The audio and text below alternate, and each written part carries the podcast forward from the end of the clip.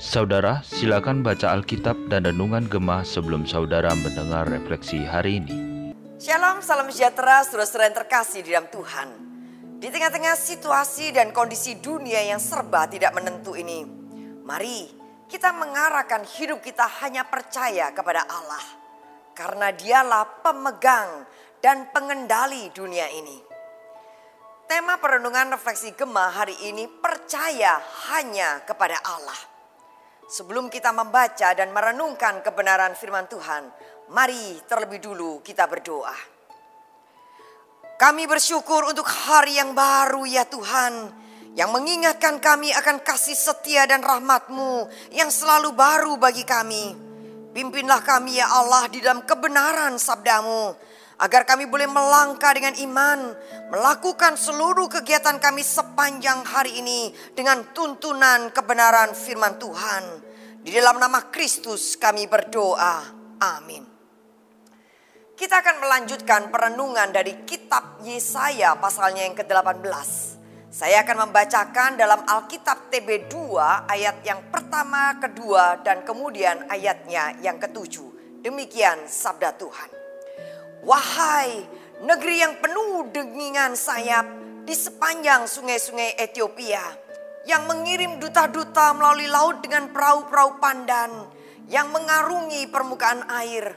Pergilah hai utusan-utusan yang tangkas kepada bangsa yang jangkung dan berkulit mengkilat, kepada kaum yang ditakuti jauh dan dekat, kepada bangsa yang kuat dan kejam, ke negeri yang dilintasi sungai-sungai. Pada waktu itu persembahan akan disampaikan kepada Tuhan semesta alam oleh kaum yang jangkung dan berkulit mengkilat, kaum yang ditakuti jauh dan dekat, bangsa yang kuat dan kejam dari negeri yang dilintasi sungai-sungai ke Gunung Sion, tempat nama Tuhan semesta alam. Amin. Saudara Ethiopia adalah salah satu bangsa yang cukup kuat pada zaman Nabi Yesaya. Ia berhasil menaklukkan Mesir dan berkuasa dari tahun 715 sampai 633 sebelum Masehi. Di dalam ayat yang pertama, Nabi Yesaya menyebut Ethiopia sebagai negeri yang penuh dengan dengingan sayap. Karena tempat ini penuh dengan berbagai jenis serangga. Ayat yang kedua memberikan gambaran tentang bangsa seperti apakah Ethiopia itu.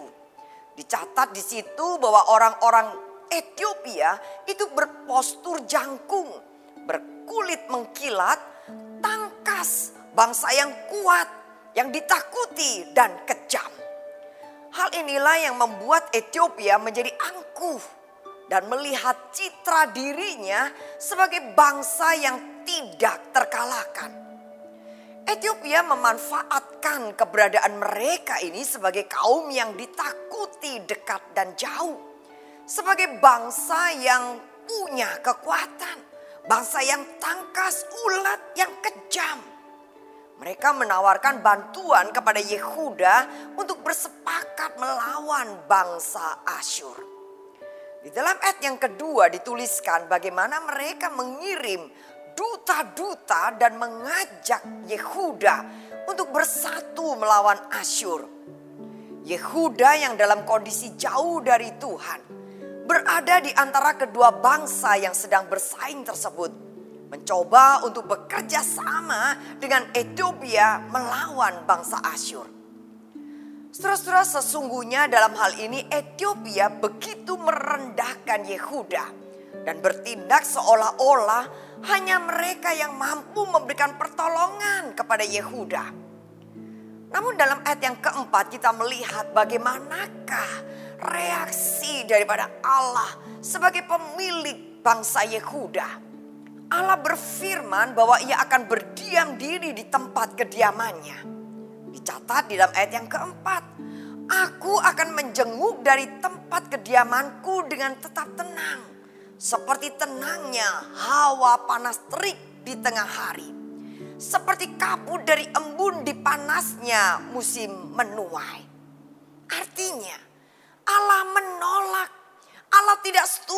bangsa Yehuda menerima tawaran kerjasama dari bangsa Ethiopia. Saudara-saudara, Allah tidak membutuhkan bantuan Ethiopia untuk mengalahkan bangsa Asyur. Dalam ayat 5 sampai ayat yang ke-6 dituliskan, Sebab sebelum musim buah, apabila waktu berbunga sudah berakhir dan gugusan putik menjadi buah anggur yang hendak masak, maka Tuhan akan mengerat ranting-rantingnya dengan pisau pemangkas dan menyisikan carang-carangnya dengan memacungnya. Semuanya itu akan ditinggalkan bertumpuk-tumpuk bagi burung-burung buas di pegunungan dan bagi binatang-binatang di hutan pada musim panas, burung-burung buas akan bermukim di situ dan segala binatang hutan pada musim dingin. Surah firman Tuhan ini menjelaskan dan menegaskan bahwa Allah sendiri yang akan menghadapi bangsa Asyur. Allah sendiri yang akan mengalahkan mereka. Melalui nubuat yang disampaikan tentang Ethiopia, Allah sesungguhnya mengingatkan Yehuda bahwa mereka tidak perlu bekerja sama dengan bangsa yang tidak mengenal Allah. Oleh sebab mereka memiliki Allah pencipta langit dan bumi.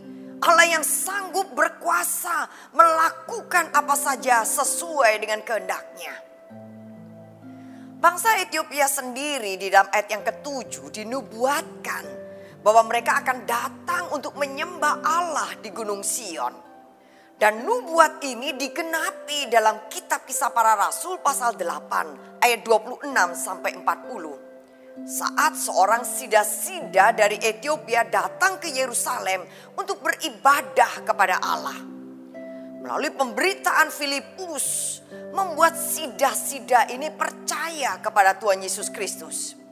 Saudara inilah awal bagaimana gereja-gereja berkembang di Ethiopia sejak abad pertama.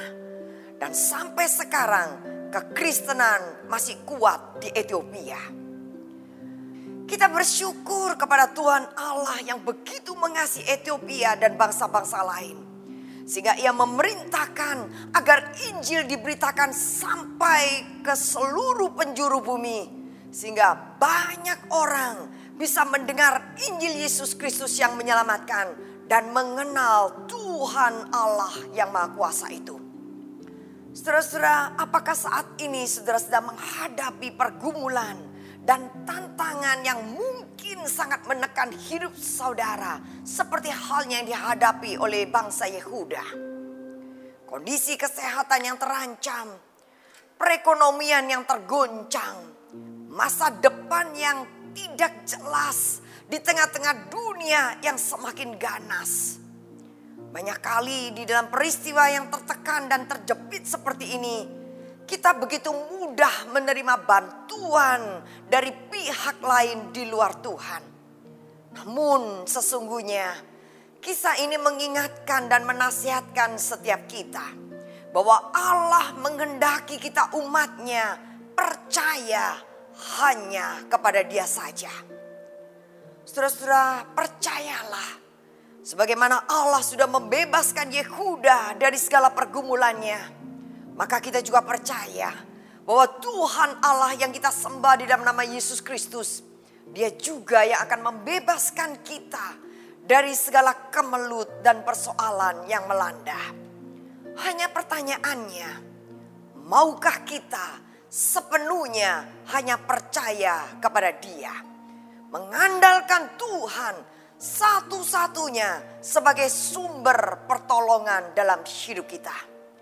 Biarlah perenungan refleksi gemah hari ini mendorong dan menolong setiap kita untuk senantiasa hidup hanya percaya kepada Tuhan Allah saja. Mari kita berdoa. Ya Tuhan, tolong kami untuk mengenalmu dengan lebih dalam lagi agar hanya kepadamu kami percaya dan bersandar. Biarlah kami tidak mudah beralih untuk percaya kepada yang lain ketika menghadapi kesulitan, tantangan, dan pergumulan. Tetapi hanya Engkau ya Yesus satu-satunya yang kami percaya dalam hidup ini. Di dalam nama Kristus kami berdoa. Amin. Selamat menapai hari dalam firman dan hiduplah percaya hanya kepada Kristus saja. Tuhan memberkati.